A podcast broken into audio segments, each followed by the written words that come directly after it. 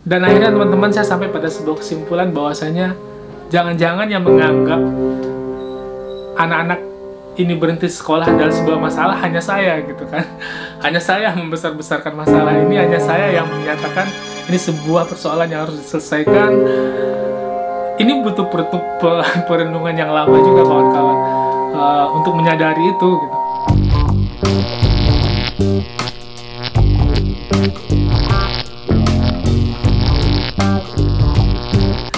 Hai teman-teman, inilah serial podcast Sekolah Dibubarkan Saja bersama saya, Afdillah Cudil.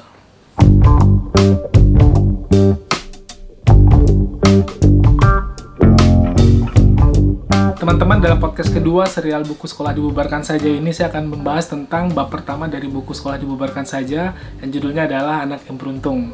Dan buat teman-teman yang penasaran overview overview keseluruhan dari buku sekolah dibubarkan saja, silakan teman-teman saksikan atau dengarkan podcast dari seri pertama yang sudah saya publish minggu lalu.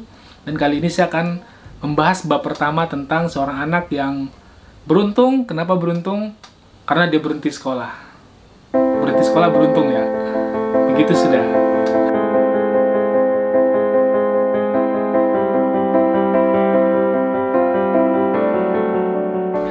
Teman-teman, di bab 1 di dalam buku sekolah dibubarkan saja itu saya menceritakan pengalaman pribadi saya ketika bekerja di salah satu kampung. Waktu itu kita terjadi gempa bumi di tahun 2007 yang sangat dahsyat di Sumatera Barat.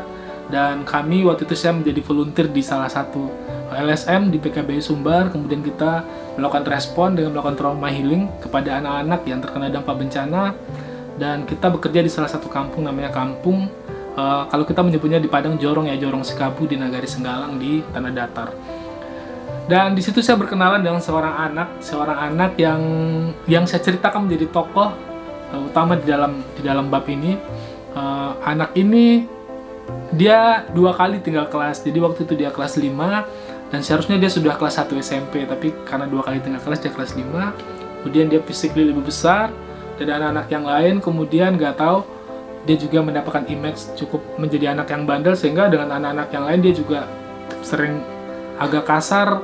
Kemudian dia begitu sudah anak tinggal kelas kemudian labelnya uh, bandel dan segala macam. Dan saya ingat pertama kali saya ketemu dengan dia adalah ketika uh, kita adakan pertandingan sepak bola uh, kecil-kecilan di lapangan. Kemudian timnya dia kalah dan saya sebagai wasit dan dia nangis dan dia marah sama saya dan dia bilang saya curang karena tidak fair sebagai wasit. Tapi besoknya dia datang lagi dan saya coba kenali dia, dalami dan akhirnya dia menjadi dekat dengan saya dan uh, saya sering main ke rumah, kenal dengan keluarganya dan di situ saya melihat sosok yang berbeda sebenarnya. Jadi image dia di sekolah sebagai anak bandel dengan di rumah itu sangat bertolak belakang. Di rumah dia menjadi anak yang sangat patuh kepada orang tuanya, kemudian dia rajin membantu orang tuanya, pulang sekolah dia ambil sabit dia ambil karung cari rumput untuk ternak sapi karena dia diamanahkan sapi beberapa ekor sapi oleh orang tuanya. Dia nice sekali. Saya terpesona dengan anak itu. Dan karena saya bekerja cukup lama di kampung itu sehingga hampir tiap hari dia main ke pondok ke karena kita tinggal di posko ya dari tenda pondok karena masih gempa-gempa susulan. Jadi lebih aman bikin pondok. Dan seterusnya sampai akhirnya pada suatu hari uh, saya dalam perjalanan dari posko ke puskesmas. Karena kita bekerja dengan puskesmas kita uh, adakan program peningkatan gizi anak-anak di daerah bencana waktu itu. Di perjalanan ditanjakan karena di rumahnya di pegunungan. Uh, anak itu manggil saya. Dia bilang e, bang Cudil gitu sambil berteriak dan saya berhenti. Saya lihat dia lagi cangkul di di pinggir rumahnya di salah satu kebun di pinggir rumahnya dan saya datangin saya teriak juga dari jalan waktu itu pertama. Kamu nggak sekolah gitu kan. Dan ada datar dia bilang enggak saya sudah berhenti sekolah dengan bahasa Padang ya pasti. Bilang loh ada apa? gitu. Saya pikir mungkin dia berantem dengan guru atau dengan orang tua atau apa masalahnya. Dan saya berhenti saya urungkan dia saya ke puskesmas saya berhenti dan saya turun. Ngobrol banyak dengan dia. Saya, saya tanya soal uh, biasa-biasa sih. Tapi ujungnya saya tanya kenapa kamu nggak sekolah dia bilang saya sudah bosan sekolah bang katanya. Kayaknya sekolah nggak ada perlunya gitu. Nggak kayaknya sekolah nggak ada manfaatnya buat saya gitu. Uh, dan apa namanya guru-guru juga sering mengata-ngatai dengan tidak enak dan dia tidak suka. Dan apa ya waktu itu saya mencoba untuk meyakinkan dia ngobrol banyak soal tentang kenapa kamu nggak sekolah. Kamu harus sekolah kamu harus belajar harus pintar kamu harus bekerja baik normatif sekali saya sampaikan. Supaya ya saya pikir saya bisa memotivasi dia untuk bisa sekolah lagi. Uh, dan dia hanya banyak diam waktu itu. Kemudian uh, selesai ngobrol cukup panjang akhirnya saya kembali dan ketemu dengan orang tuanya di jalan. Saya tanya sama ibu bapaknya kenapa anak ini nggak sekolah? Ibu bapaknya bapaknya waktu itu yang cuma bilang ya dia nggak mau sekolah gimana lagi mau dipaksain? Segitu saja teman-teman jadi segampang itu ya berhenti sekolah. Dan akhirnya uh, ini menjadi sebuah apa ya sebuah sesuatu yang buat saya sangat mengganjal sekali dan apa sih yang terjadi dengan anak ini dan bagaimana dengan anak-anak yang lain? Apakah sedemikian rupa orang tua tidak punya motivasi untuk menyekolahkan anaknya? Apakah anak-anak untuk berhenti sekolah segampang itu? Akhirnya karena saya dekat dengan guru-guru saya coba cek ke sekolah tanya diskusi dengan kepala sekolah apa terjadi akhirnya guru-guru mengakui memang bahwasanya di kampung itu khususnya di sekolah itu uh, hampir tiap tahun ada banyak banget mungkin ada puluhan uh, belasan anak-anak yang berhenti sekolah. Bahkan ada yang sudah mau ujian nasional ujian akhir berhenti sekolah. Dan guru-guru pusing menghadapi itu. Tapi ya memang kalau memang sudah berhenti ya berhenti gitu. Kadang-kadang berhenti kemudian mereka pergi. Pergi keluar dari kampung untuk bekerja bekerja menjadi pelayan toko di Bukit Tinggi kadang juga ada yang bekerja di rumah makan di Kota Padang segala macam. Dan data itu mengejutkan sekali buat saya gitu. Dan teman-teman akhirnya saya coba menelusuri lebih dalam kira-kira apa yang terjadi di kampung itu.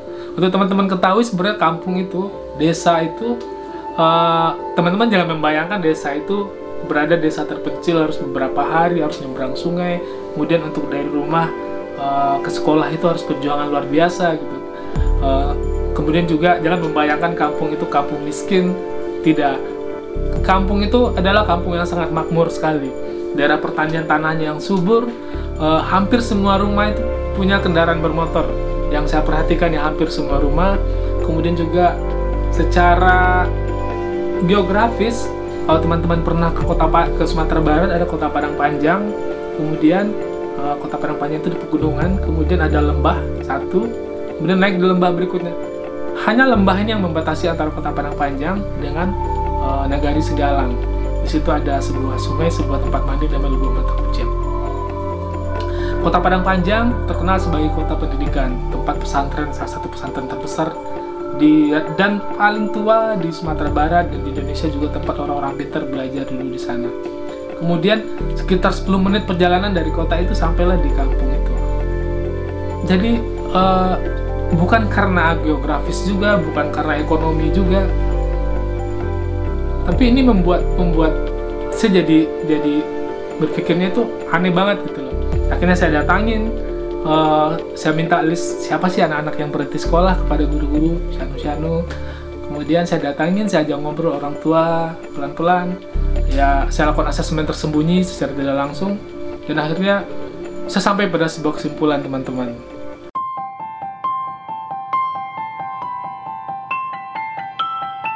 Teman-teman dari hasil penelusuran yang saya lakukan baik itu dengan orang tua dengan siswa saya menemukan beberapa catatan. Yang pertama adalah uh, ini yang paling membuat saya agak agak marah ya adalah ternyata siswa anak-anak di kampung itu uh, berani speak up, berani mengambil keputusan ketika dia berpikir bahwa saya sekolah itu tidak ada bermanfaat.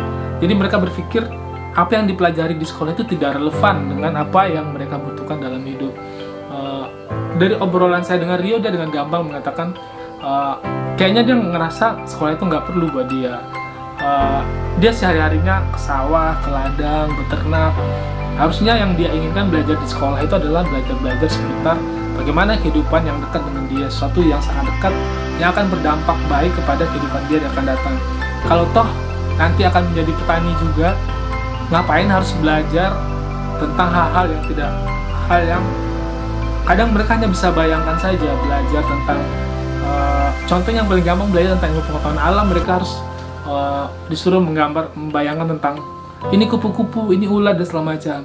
Kenapa nggak dibawa aja mereka ke ladang? Wah ini contohnya kadang itu pun mereka sudah tahu gitu atau belajar matematika yang rumit dan itu nggak perlu buat mereka menurut pemikiran masyarakat di situ. Dan kemudian orang tua juga tidak melihat sekolah sesuatu yang urgent, sesuatu yang penting sehingga dukungan tidak terlalu besar, tidak ada desakan. Orang tua juga tidak bermimpi. Yang saya lihat anaknya menjadi profesor, menjadi sarjana, ya yang paling tinggi menjadi PNS tapi itu tidak menjadi mimpi semua orang juga di sana. Karena buat mereka yang saya lihat ketika makan cukup hidup cukup bisa membeli. Tanahnya subur eh, banyak ternak jadi desakan untuk menjadi lebih maju untuk menjadi sesuatu yang wow menurut kacamata kita ya. Itu nggak juga ada gitu. Akhirnya ketika anak memutuskan meminta kepada orang tua saya berhenti sekolah dan alasannya make sense buat orang tua ya why not? Akhirnya ya nggak ada paksaan dari orang tua. Dan orang tua nothing tulus saja. Gitu. ketika anak-anak berhenti kemudian anak-anak pergi dia pergi bekerja ke Bukit Tinggi. Pelayan di toko biasanya anak, perempuan yang saya perhatikan. Ya orang tua memberikan izin saja. Itu malah anak laki-laki pergi merantau ke Jambi ke Padang bekerja di rumah makan. Ya itulah kehidupan dan semuanya berjalan alamiah. Tanpa ada sekolah pun itu akan terus terjadi begitu. Jadi uh, gimana ya orang tua tidak tidak memberikan tekanan. Orang tua tidak mendesak anak-anak itu untuk sekolah. Seperti beda dengan yang kita yang pernah saya alami bosnya orang tua mendesak kamu harus sekolah kamu harus rajin harus pintar harus SMA sarjana dan seterusnya kamu biar kamu bisa menjadi orang hebat dan segala macam. Tapi di sana saya nggak ngeliat itu. Dan terakhir yang saya lihat adalah desakan sosial uh, dari lingkungan untuk anak-anak harus sekolah itu juga tidak terlalu besar ketika sebagian masyarakat berpikir sekolah itu ya penting nggak penting ya biasa saja ya. Ketika ada yang berhenti sekolah nggak jadi nggak jadi buah bibir juga ya anak canu berhenti sekolah kemudian jadi pembicaraan sepanjang kampung nggak ada yang itu terjadi. Sehingga uh, sekolah untuk sebagai sebuah status sosial juga tidak tidak ada gitu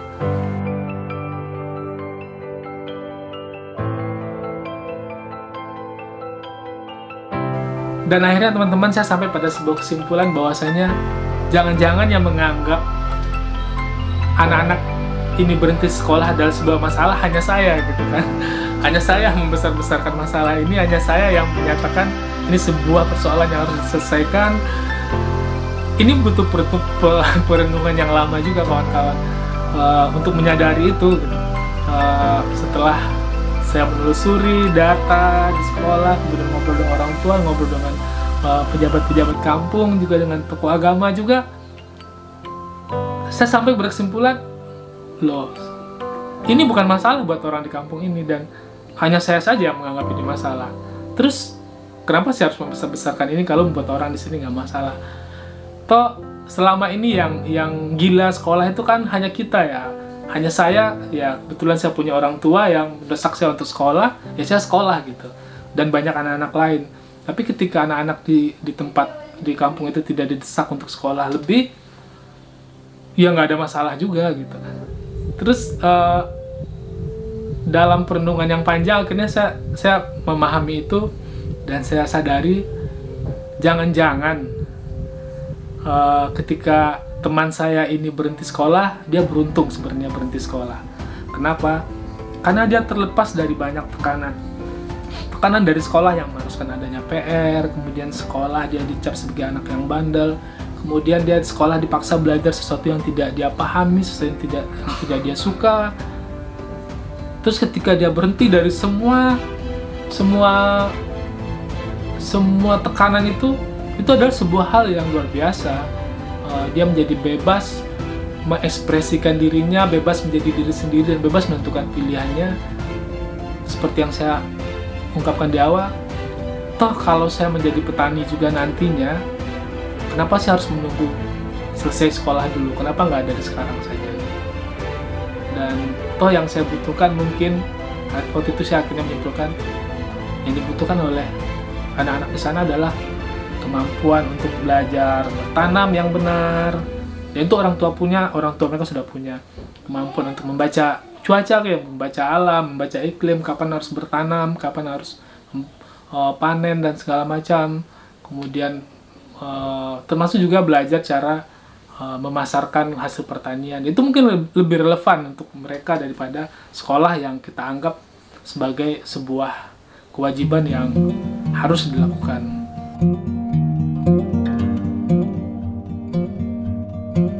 Dan teman-teman di akhir penulisan saya saya mengakui bahwasanya memang mungkin teman saya itu beruntung dia berhenti sekolah dan itu menjadi sebuah alasan yang besar kenapa sekolah harus dibubarkan saja.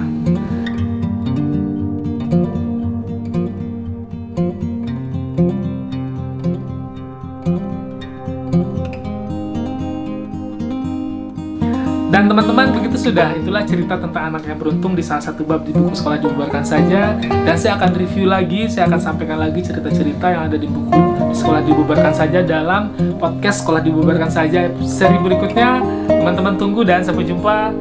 Thank you so much